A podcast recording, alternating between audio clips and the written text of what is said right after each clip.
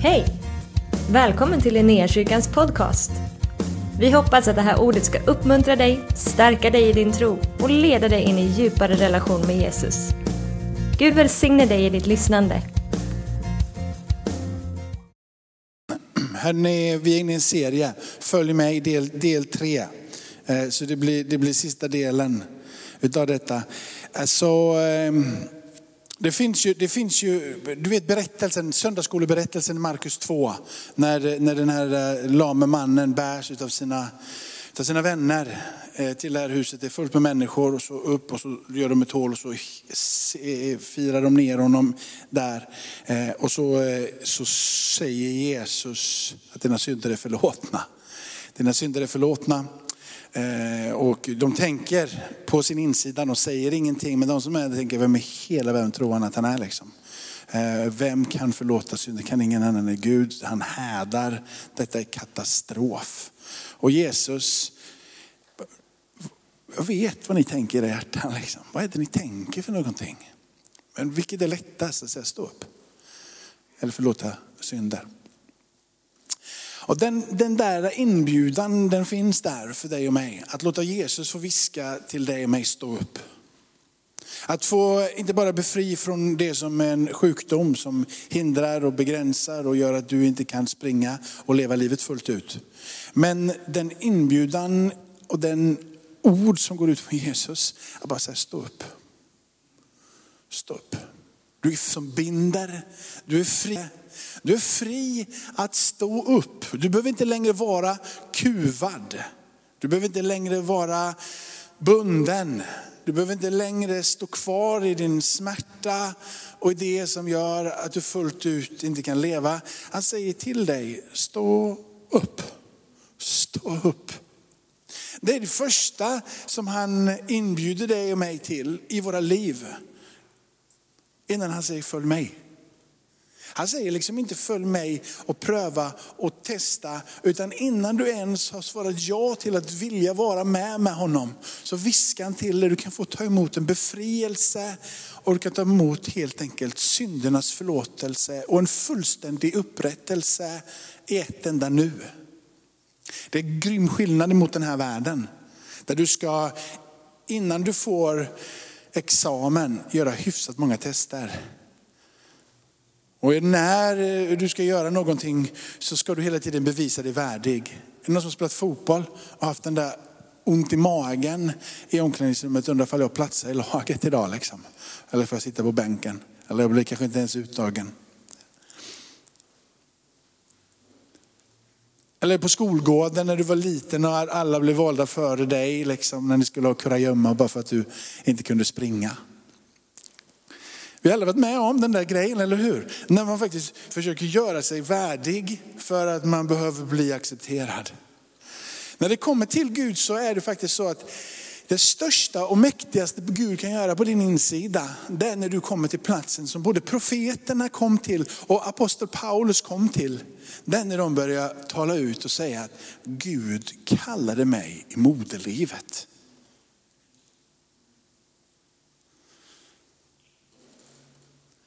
Någonstans på deras insida, i deras huvuden, i deras sinnen, så bara visste de att jag är utvald av Gud.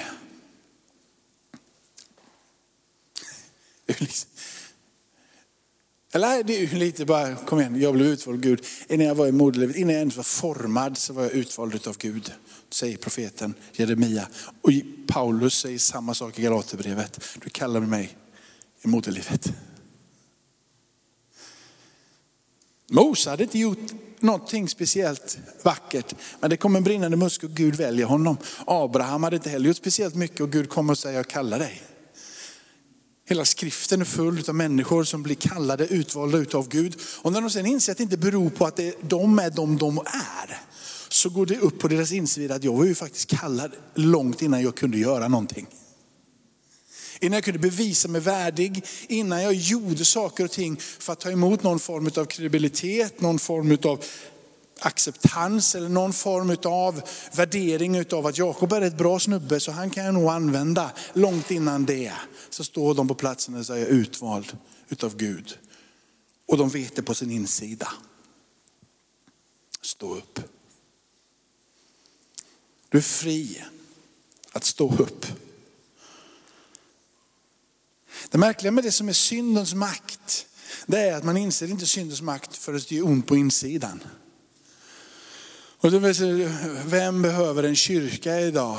Ganska få uppenbarligen, för de springer ju all världens väg. Men det räcker med en liten pandemi och det räcker lite med att man blir lite sjuk så börjar man springa direkt till ett sjukhus.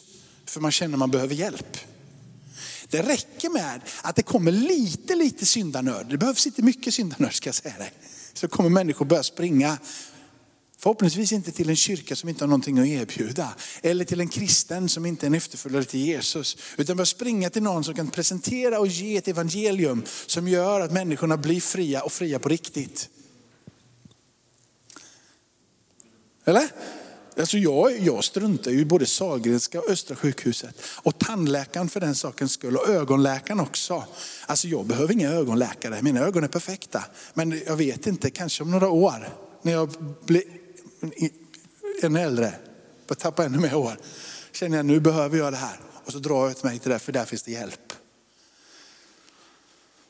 Och vi sitter där i samma båt allihopa. Och människorna som är utanför och inte har tagit emot Jesus än sitter i samma båt allihopa. En dag så är det någonting som händer på deras insida. De kommer till platsen utav att jag måste ändå prova, och ändå ropa och ändå försöka. Om det finns någonting som kan hjälpa mig. Och det stora borde ju vara att om syndanöden kommer, att man inte springer någon annanstans än till dig. För du har ett svar att ge. Eller? Stå upp. Är du fri från det som binder? Stå upp, du är inbjuden att stå upp. Du behöver inte se bakåt utan du kan se framåt. Du kan se vidare tillsammans med honom. Att våga gå på den resan som han inbjuder dig till. Du vet när du kommer det där med löftena, vad han säger om vem han är och vem du är i hans ögon. Hur han vill göra och, och liksom agera med sin skapelse, med sitt folk, så tänds hopp på insidan. Och när hoppet är där så börjar du göra det som han säger. Helt plötsligt så börjar du få se hans väldiga gärningar i det liv som du lever. Men det viktiga är att du börjar ställa dig upp. Liksom. Att du inte står kvar där och ser ner på dig För du har ingenting med din egen befrielse att göra. Du har ingenting med din egen liksom, frihet och förmågan att leva fritt att göra. Det sitter i hans kapacitet och hans förmåga att låta ösa över dig i nåd. Flod på flod på flod. Ström på ström på ström. Ge dig möjligheten att skaka av dig det som får vara kladdet för att röra dig vidare. Det sitter hos honom och inte hos dig. Det är han som är botemedlet på det som om möjligen kuvar dig. Så stå upp. Vi tror och vågar tro enbart för att Jesus är en verklighet. Utan att Jesus blir en verklighet så vågar i alla fall inte jag tro. Och det är därför som idag när vi sjöng så kände jag bara, jag, be, jag behövde idag och jag behövde det innan i min egen bönestund. Så läste jag faktiskt upp alla de namnen på Gud och sen så alla namn på Jesus. Och så sa jag det, det är den du är. Och så tänkte jag att det där, det där hjälpte mig i morse, bara kände att nu är jag på gång på min insida. Jag vet vem jag tror på. Jag tror på, och så liksom, jag talade ut alltihop. Tänkte jag, när vi sjöng det här, vi gör det tillsammans här. Det är den jag tror på. Det är därför som jag vågar vara frimodig. Och när jag blir så frimodig, det är ganska sällan som jag inte blir vidrörd vid honom. Vi brukar säga på tisdagskvällen, då är vi inte så många här. Jag tror tisdag var det fem som bad eller någonting. Och jag, då började jag med att säga, kommer ni ihåg vad som brukar hända efter ungefär en timme när vi ber? Ja, det är ungefär som att då känner vi att nu vill vi inte gå hem och nu vill vi inte sluta för nu, nu är vi igång. Och jag tror att i tisdag så tog det ungefär en halvtimme. Då hade, när vi hade bett en halvtimme så kände vi att nu, nu, nu, nu börjar det, nu börjar det lukta himmelen här liksom. Varför, varför, tar det så lång tid? Liksom? Varför hände ingenting i början? Och man kan ju välja att nöja sig med Gud är densamme. Så vi, slu, vi ber bara en liten stund för Gud är densamma, han hör våra böner. Och, och så tänker vi som sitter på bönen där, vi håller på lite längre. Vi tänker att vi säger ut bönerna en gång till. En person som var med nu i tisdags här för att bara säga, jag tror att vi bad för han tre eller fyra gånger på raden. Så vi bad först, han kände någonting, okej, okay, ber vi en gång till. Och så kände han, för be en gång till, vi bara fortsätter att be. Bara fortsätter be. Till slut så bara känner man liksom att nu är det väldigt lätt att be. Har vi bett fyra gånger kan vi lika be åtta gånger. Alltså. Det blir inte jobbigare. Stå upp. Stå upp. Och idag tänkte jag skulle predika för den som vill stå upp. Om du vill stå upp tillsammans med Gud och du är här och du har sagt det nu eftersom jag har övertygat dig om att du vill stå upp. Nästan manipulerat dig. Men om det är så att du känner att jag vill det där, jag vill stå upp. Så har jag ett bibelord för dig. Och jag vill läsa det ifrån Johannes evangeliet. Och ni har inte utvalt mig, utan jag har utvalt er. Det är en vila i det. Och vi har redan nämnt själva kraften i det. Och jag har bestämt till er att gå ut och bära frukt och er frukt ska bestå. Då ska Fadern ge vad ni än ber honom om i mitt namn. Och detta befaller jag er att ni ska älska varandra. Det finns rätt mycket här hörni. Men den första, den första delen är egentligen det som jag har, ni är utvalda. Och det är han som har utvalt er.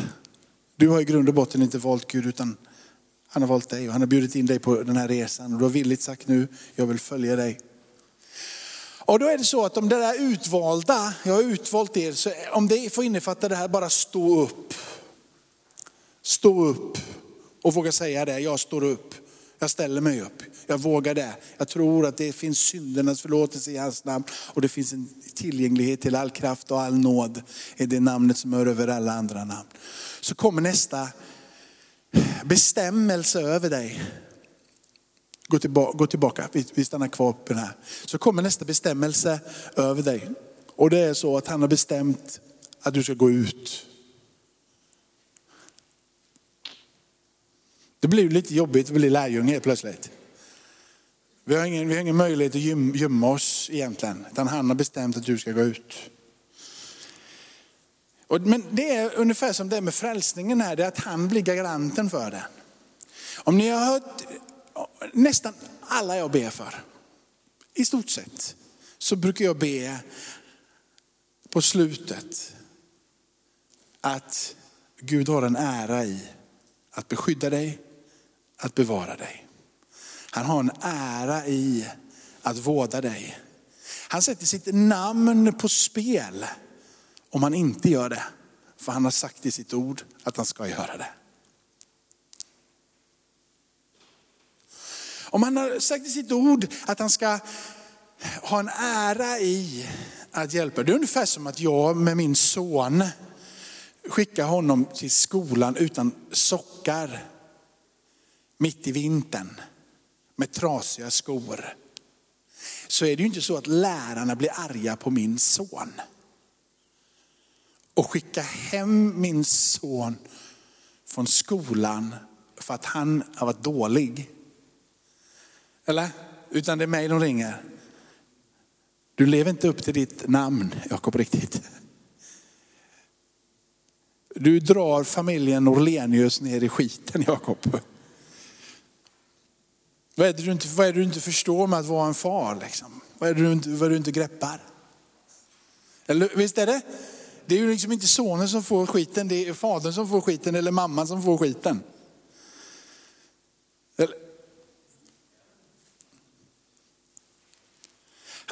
Så det är ju det som blir utgångspunkten. Han har en ära i att beskydda, bevara dig, leda dig, ta hand om dig. Och sen så säger han så här, jag har bestämt att ni ska gå ut. Jag har bestämt att ni ska gå ut. Så frågan är om du vill gå ut. Det krävs ditt ja och det krävs din, ditt engagemang och din överlåtelse och din vilja. Men han har bestämt det. Han sätter liksom sin ära i att både locka dig och han manar dig och han ger dig allting du behöver för att röra dig åt det hållet. Gå ut, Jag har bestämt det och jag är med dig. När Jesus sen säger det till sina lärjungar så säger han att gå ut och gör alla folk till lärjungar, döp dem i Faderns, Son och den hela och lär dem att hålla allting som jag har befallt er. Och han säger att jag är med er. Inte tidens slut. Jag är med er. Han sätter sin ära i att vara med dig. Så jag har bestämt det och jag har bestämt att du ska bära frukt. Kommer ni ihåg vad vi började? Jag började i änden av för två veckor sedan och säga att Gud säger så här, jag, eller Jesus säger, jag ska göra er till människofiskare. Och när vi, det jag citerade nu från Matteus, eh, eh, gå ut och gör lärjungar. Det är en process utav, utav skapande, men det är samma sak där. Han sa sin nära, jag ska göra er till det här. Jag ska leda den här processen, jag ska knåda er och ni ska bli redo. Jag säger till er, gå ut och jag säger till er, bär frukt. Och jag har mitt namns ära på att när ni rör er i mitt namn och ni gör det som jag befaller, lär dem att hålla allting som jag befallt er. Och det sa vi innefattar att du ska följa och hålla dig till det som Jesus har sagt. Så inte du börjar blanda in österländsk filosofi eller dina egna matematiska beräkningar eller ditt eget sätt att förhålla dig till det som du säger att Gud är. När Gud inte kan vara någonting annat det han säger att han är. Du ska predika och tala ut det som Gud är. Så när, han, när du säger, jag går ut i ditt namn och jag säger det som du vill att jag ska säga, så gör jag det som jag ska göra. Det är det han säger.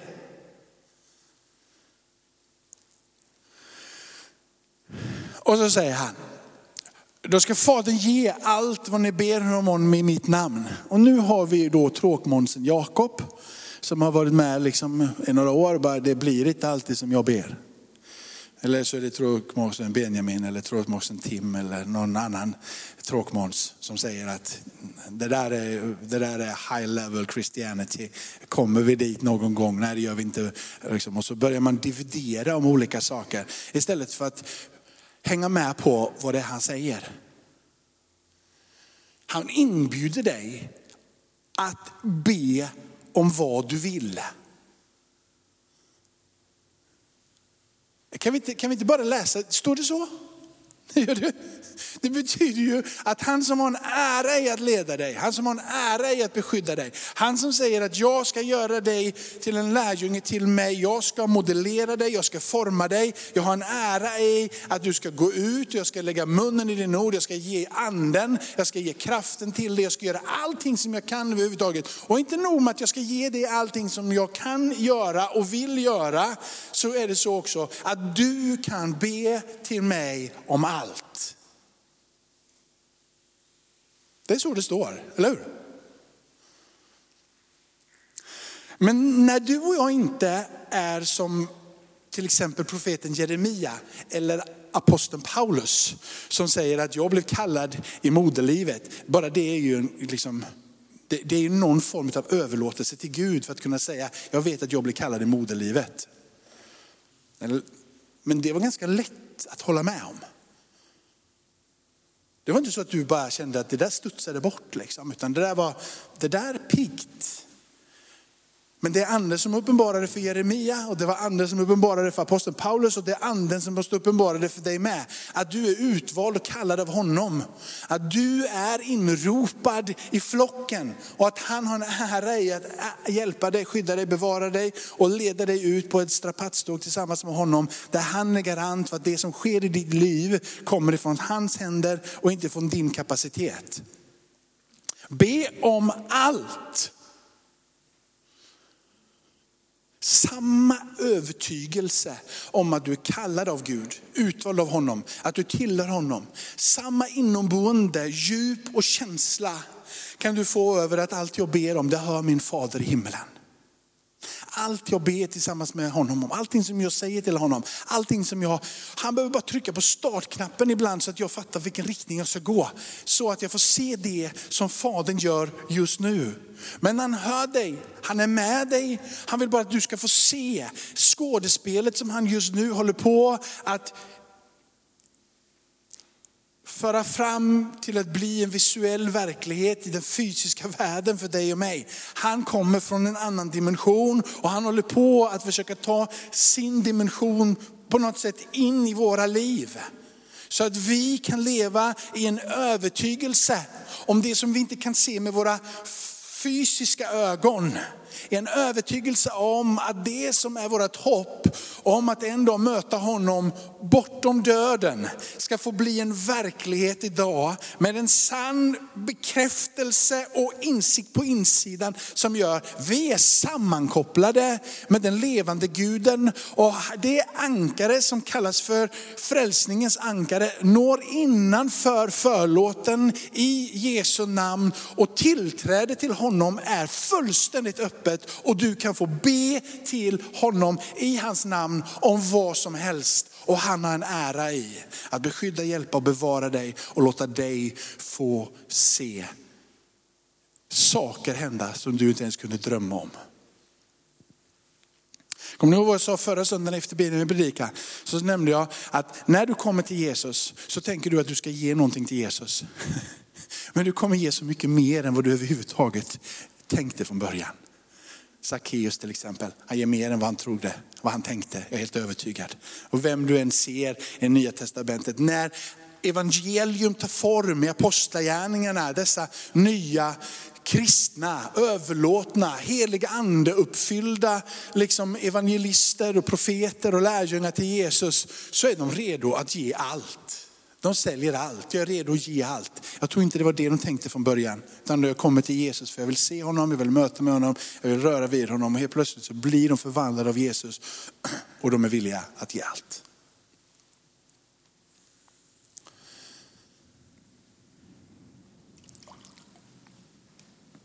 Inte nog med att du ger allt,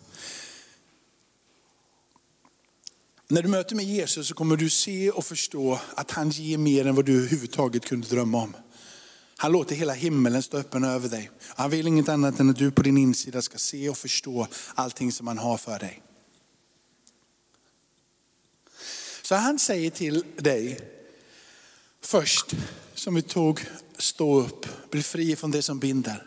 Han talar till dig och säger gå ut. Och sen när han säger gå ut, så börjar han att prata om den där frukten som ska bli bestående. Och den där frukten som blir bestående är inte bundet till det som är med den här jorden att göra. Utan det har med det andliga inre som kan bli förvandlat genom att du och jag får se himmelriket. Hur får man se himmelriket? Hur får man tag på himmelriket? Jesus säger att den som blir född på nytt kan komma in och kan se himmelriket. Hur i hela världen blir man född på nytt säger Nikodemus till Jesus. Ja, du behöver bli frälst. Du behöver ta emot anden. Du behöver bli döpt i vatten. Där finns frälsningen och där är inkörsporten in till det som är Guds rike. Ett andligt rike, inte någon som har någon yttre gräns, inte någon fysisk plats, utan ett rike som tar sin boning mitt ibland oss och i ditt hjärta. Ett Guds rike. Varje gång som Jesus rör sig fram i evangelierna så kommer en demonstration över rikets framfart. När han rör sig, det han säger är som balsam fyllt med auktoritet, kraft att förändra förändra den som hör. När han rör vid någon med sina fysiska händer så exploderar himmelen och all kraft av kärlek, av helande utgår ifrån Fadern till upprättelse, befrielse, helande under tecken. Till och med döda uppstår. När han kommer in och möter en spetälsk så blir den helad. Men hela livet blir förvandlat. För när den som möter Jesus får se in i hans barmhärtiga ögon så ser de kärlek och nåd och omsorg som de aldrig innan har upplevt. Och de blir gripna och de blir förvandlade och de smälter på insidan och de säger mer av Jesus.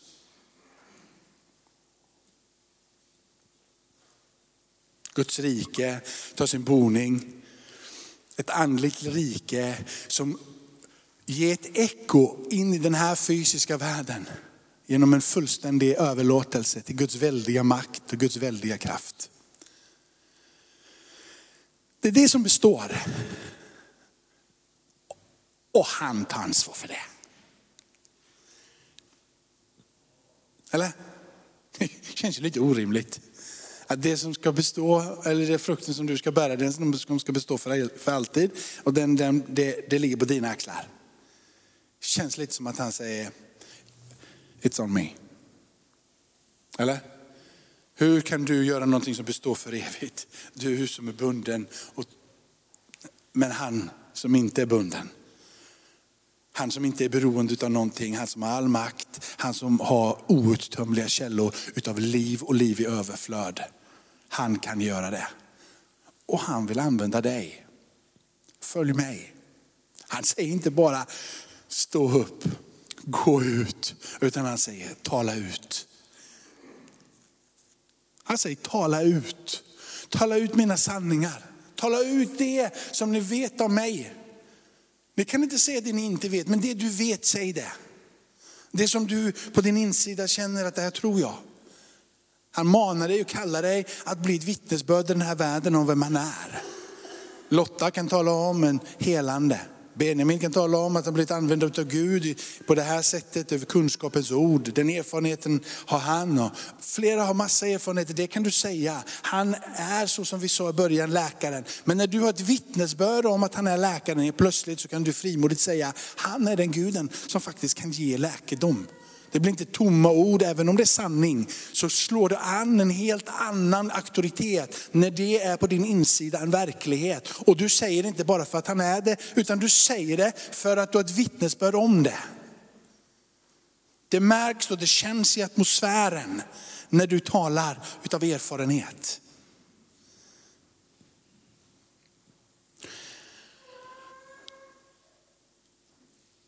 Men inte bara säger han stå upp, han säger inte bara att du ska gå ut och han säger inte bara att du ska tala ut, utan han säger här också, och jag har befallt er att ni ska älska varandra. Han säger lev ut. Det är de andra sakerna som förändrar fullständigt ditt liv. Ditt andliga liv genom att du blir fri från synd. Genom att du vågar ställa dig upp, genom att du vågar tala ut sanningarna. Men alla dessa sanningar som strömmar ifrån ditt liv utav sanna vittnesbörd och sanna löften. Om det inte är så att du också lever ut evangelium i dess fulla kraft och potential i alla områden utav ditt liv. Så faller det pladask och blir till slut värd inte trovärdigt. Och då så sätter Jesus den ribban som är sjukt jobbig. Han säger bara att jag vill att ni ska älska varandra. Och det är lättare att reta sig på varandra ibland än vad det är att älska varandra. Och det är lättare ibland att tala illa om varandra än vad det är att älska varandra. Så han, han sätter liksom inte det lilla kravet. Utan han bara säger, men om det är så att han säger att jag vill ge dig kraften att stå upp. Och jag vill kraften att gå ut. Och jag vill kraften att tala ut. Så vill han också ge dig kraften att leva ut. Du behöver inte stå där själv.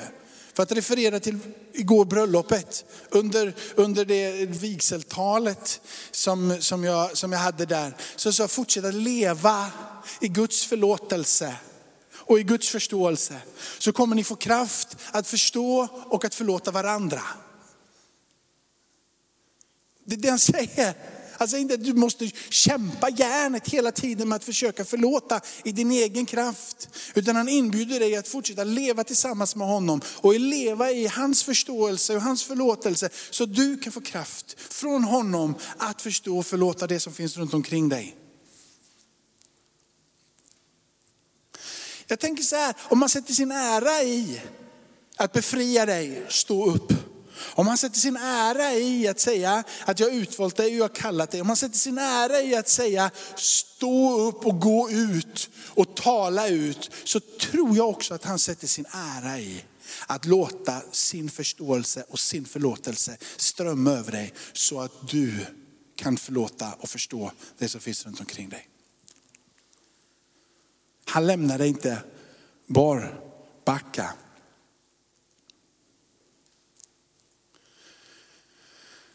Så här står det ifrån Markus. Det finns ganska mycket jag skulle vilja säga mitt emellan här, men det går ju inte. men, så jag tänker att jag har sagt en grej som, som jag tyckte, det här tänker jag var bra. Så. Och sen så finns det ganska mycket här som jag tycker är jättebra men som jag inte känner att jag hinner säga. Och så finns det här på slutet någonting som jag ville säga, för det är ju sista gången idag. Och då är det så här. Markus kapitel 16, vers 17 och 20. Markus kapitel 16, 17 20. Dessa tecken ska följa den som tror. I mitt namn ska de driva ut onda andar. De ska tala i nya tungor och de ska ta ormar med händerna och de ska dricka och dricker de något dödligt gift så ska inte det skada dem. De ska lägga händerna på de sjuka och de ska bli friska. Och när Herren Jesus hade talat detta till dem togs han upp till himmelen och satte sig på Guds högra sida. Och så står det, och de gick ut och de predikade överallt. Och Herren verkade tillsammans med dem och bekräftade ordet genom det tecken som åtföljde dem.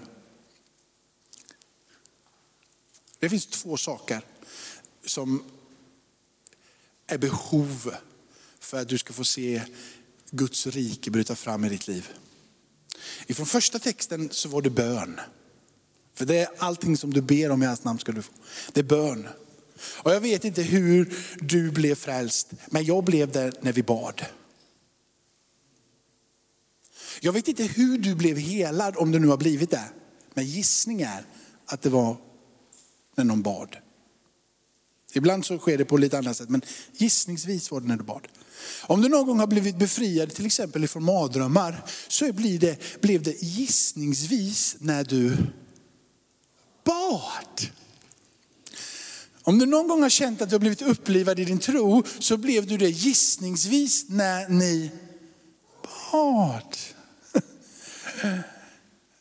Okej, okay, så vill vi se Guds rike komma fram och igenom så behöver vi be. Det var det som hände i den innan där. Och så finns det en annan grej här som är väldigt viktig för dig som vill vara en efterföljare till Jesus. Och det är att du predikar evangelium. För det är det som är vår uppgift. Om du vill se det som Bibeln säger ske utav Guds rikes intåg i din sfär.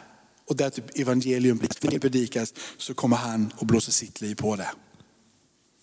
Så du kan ju välja hur du vill gå in i det här. Och så säger men jag har bett hela mitt liv, jag har inte sett någonting. Kan inte du hänga på oss på tisdagskvällar då? För det är rätt torrt i början. Det, och det, så du passar in då om du känner att det, det är torrt i ditt böneliv, för det är det för oss också. Det är görtorrt och det håller på ganska länge. Så, och det är inte lätt, vi har ingen lovsång, så du kan inte komma dit och bara åh halleluja, du får ingen hjälp. Utan det är bara bön. Så det är gör, alltså på riktigt, det brukar vara tråkigt. Ja. Ja, och jag ljuger inte Jonas, du brukar vara med också. Det är tråkigt. Jo, det är det faktiskt.